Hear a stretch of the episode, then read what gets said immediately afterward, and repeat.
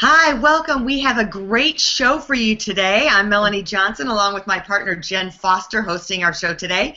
And we want to remind you first off, please subscribe to us, uh, share us, like us, send us um, to your friends, and recommend us. We'd really appreciate that. We're happy to have you uh, like us on our Facebook page and all our social media as well. Go to Elite Online Publishing. So we're brought to you by Elite Online Publishing today, where we market, publish, and help you write your book and become a number one best-selling author. So, um, and if you'd like to go on a book writing retreat with us, we'd like to have you join us do that as well. Today we have a really special show. We have an author here called Sarah, Sahar Paz, and she has written a book called Finding Your Voice. And I think so many of us are looking to uh, tap into that inner voice, and we get so busy with our lives that um, we just don't even stop to tap into that. And she has an amazing story. She's had an amazing journey that she's going to share with us today of how she found that voice.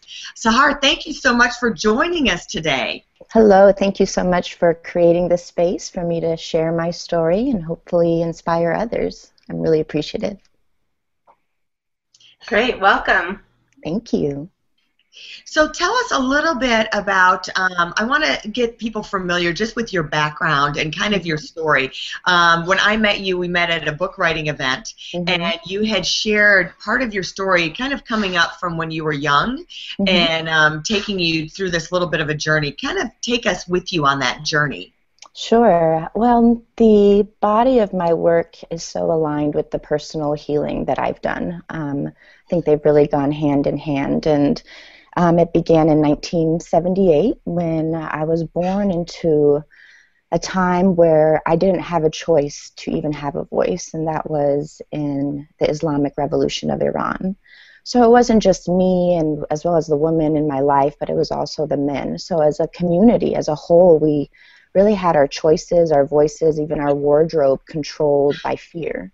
Um, so it was a very interesting time, and because of the nature of what was going on beyond my body, I had to really turn in. And even at a young age, I thought, surely everybody across the world thinks to themselves their inner voice in my native tongue, which was Farsi. So I remember at a young age even understanding and being aware of this this inner voice. Mm-hmm. Um, and I stayed pretty withdrawn even when we moved to the States in 1986. We moved to Denver, Colorado. And um, I would say that transition um, was one that really solidified a perfectionist in my inner voice. Um, what I felt when I moved to the States wasn't really a welcome. There wasn't um, this exhilaration for freedom. Rather, there was a ton of judgment so uh, I faced prejudice as well as um, the abandonment of my father, and then out of survival's sake, the emotional abandonment of my mom. So uh, I really drew in and became this people pleasing perfectionist, and this is who I was and what led my inner voice and really guided my personality and my journey through my teens and 20s. And there was a culmination of challenges of me not honoring my worth um, and at the same time, that people pleasing drive took me to have all that I ever wanted by the time I was 25, which for me was living in Manhattan and having a successful career, which was banking. And that wasn't my terms of success, but it was definitely society and family's terms. And so I thought, okay, if they think I'm successful, I should think I'm successful and feel fulfilled. Mm. And uh, I had, I was in a relationship with a gentleman that was committed to me and interested in taking the next step. So everything was pretty in line. And I would say that's when really everything fell apart because I was expecting to be fulfilled. And uh, for me, falling apart meant a deep depression that I didn't give a voice to until it brought me to my deathbed. So it the age of 25 in 2005, I tried to end my life three times. And through that process, I was really reborn and understood what I was here for. Not in that moment or not in the six months of healing, but in the decade after. Mm-hmm. Nearly 10 years. I would say for sure nine years um, after I really committed to curiosity and permission. And this is where I freelanced in New York when I went back to school and finished with a fashion marketing degree. when I graduated in an economic meltdown and gave myself a chance to start a nonprofit and use my need to be in service, um, and again experienced another burnout at the age of 33. So these were all things in that decade that really brought me to where I am today, where I can speak to you, you know, emerged into my voice, having found it, sharing it as an author, as a speaker, as someone who does a lot of bullying and suicide prevention, asking people to use their voice to start a conversation about topics that are really killing us. So um, it's been a wonderful journey. It's been a challenging journey. It's a journey I am still on. And I sit here um, imperfect and just aware of all the voices that try to remind me of those things and I honor them, but don't let her become my dictator. And I would say that is the whole reason why I'm here, is to let people know that all the voices within you can be your greatest ally. That's interesting because you know I was I wanted to ask you how do you find your voice? What advice would you give someone to find their voice? But um, you threw this out about don't always listen to her or mm-hmm. don't be dictated by her. So I would I was under the impression that wow when you see hear that voice it's really trying to lead you where you're supposed to be, but you're really saying not necessarily true. Well, we are capable as humans to have up to 70,000 thoughts a day. So there's this constant conversation going on consciously and subconsciously. Mm-hmm. So for me, and um, what I mean by find your voice is really understanding the thoughts that you cope with. So this is how you see yourself in the world, right? Mm-hmm. And there have been thoughts, for example, for me, I am in survival mode. One, because war that I grew up in, coming to the States and having to find that adjustment and losing my mom. She had to work all the time and feeling like I'm at the back of the line. So a lot of the time, my inner voice is telling me, hurry up, get it out there. And I make more emotionally charged decisions. So I'm in a rush, which a lot of us in our world or in that rat race do that. So I have to be constantly aware of that personal inner voice, that personal way of coping that really drives me and for me to be able to lean back and observe and recognize that it's there and also bring my voice of wisdom of what I've learned of making those survival mode decisions. And my wisdom says, you know, you don't have to make that decision today. It's not black and white, it's not life or death. So a lot of it, you know, I help people connect that uh, thoughts and their emotions, how they play with each other. And some of them you hear and some of them you don't. Um, and it's a process. That's why I say it, it, it was a almost a decade worth, and it was really a process of elimination of giving myself permission to try things, and understanding how I reacted, understanding how I held myself back, mm-hmm. and then saying, you know what, maybe this isn't for me. Maybe this is my strength, but not as a part of my career. This could be a passion or a hobby. So um, it's a lot of unweaving and there's a lot of layers in there. It can be complicated, but it can also be uh, quite simple if you give so yourself not just one voice. You have the voice of wisdom, the voice of survival, um, the voice of rationale, the voice of emotion or love that's telling you one thing when maybe a relationship isn't right for you, which you had that circumstance as well. Mm-hmm. Mm-hmm. What are some of your ways that you tap into those voices? What kind of practices do you have to um, hear those voices? Well, when first and foremost, when I feel a shift in my emotion, and even for the good or the bad, I want to go back and I tend to ask myself, what was I just thinking? Because to really sit with all your voices, you get caught up and interact in this conversation, and sometimes, a lot of times, it's not good for you. So for me, in the beginning, when it was too overwhelming, the simplest way is when I felt a shift in my emotions in either direction. I said, mm-hmm. okay, what were the the thoughts, the streams of consciousness that led me here? Was it an experience? If it was an experience that I just had, what were the conversations within me and out of me that created this experience? So, really understanding the verbal transactions, the word exchange within me and externally that set me up for this. So, um, it's a lot of analyzing um, in some ways, but the biggest, and I would say the simplest way, is when you feel a shift in your emotions, say, hey, what was I just thinking? What mm-hmm. led me here? So you've got to be conscious of those um, those shifts because sometimes you can go back and forth and back and forth. mm-hmm. with all mm-hmm. of that. And we, you know, we are stuck. We live life above the shoulder. So when you feel that shift, if you can allow yourself just um, your exhale has a, a, beautiful power of letting you be heavy and kind of sit in it because a lot of times we want to process through it. And if you could just sit in it, because people may not understand awareness if this is something that's new to you, um, it's just being like a voyeur or an, or an observer of where you are. How does this feel in my body? Am I tight? Is this uncomfortable? Is my intuition saying no? Do I feel relaxed, weightless? That's so true. I've, I mean, I've experienced things recently myself where if things were not, uh, you know, the way I thought they should be, that and I couldn't identify it, but the inside of my gut, I just kind of felt nauseous all the time, and mm. you know, felt like my stomach had been kind of punched in. And then when you get the choice to do something different, and you feel that relief, your body has that then it, it, directs you that this must be the better decision for me because I'm not feeling all that angst anymore and tension. I have relief that this is really where I'm, you know, God, the universe, and my body is telling me I need to go. Absolutely. And sometimes we mistranslate as that as, oh my God, I'm I'm nervous or I'm doubting myself. And it's like, this is where you need to trust yourself and say, this doesn't feel right. And you know, the whole part of find your voice is you find that voice within you, and it helps you motivate the external voice that everyone else hears. So you can stand up and say, hey, given it some thought, or whatever the case is, and voice what is right for you. Mm-hmm. I love how you said that you, sometimes you just have to stop and say, you know, how did I get here? What were the thoughts or the words that I was telling myself, or you know, what what you were listening to? Go and analyze it back Mm-hmm. I think that's really important to do. I find myself in the same situation sometimes where I'm th- all of a sudden not feeling good, and I'm like, wait, what was I just thinking? Because why, why, mm-hmm. why did my mind go there? Let me move, and I don't need to go over there, you know? Yeah. Our mind can play tricks on us. Mm-hmm. Yeah, I can replay the same uh, recording over and over again, and I mm-hmm. realize I just have to hit the delete file. Mm.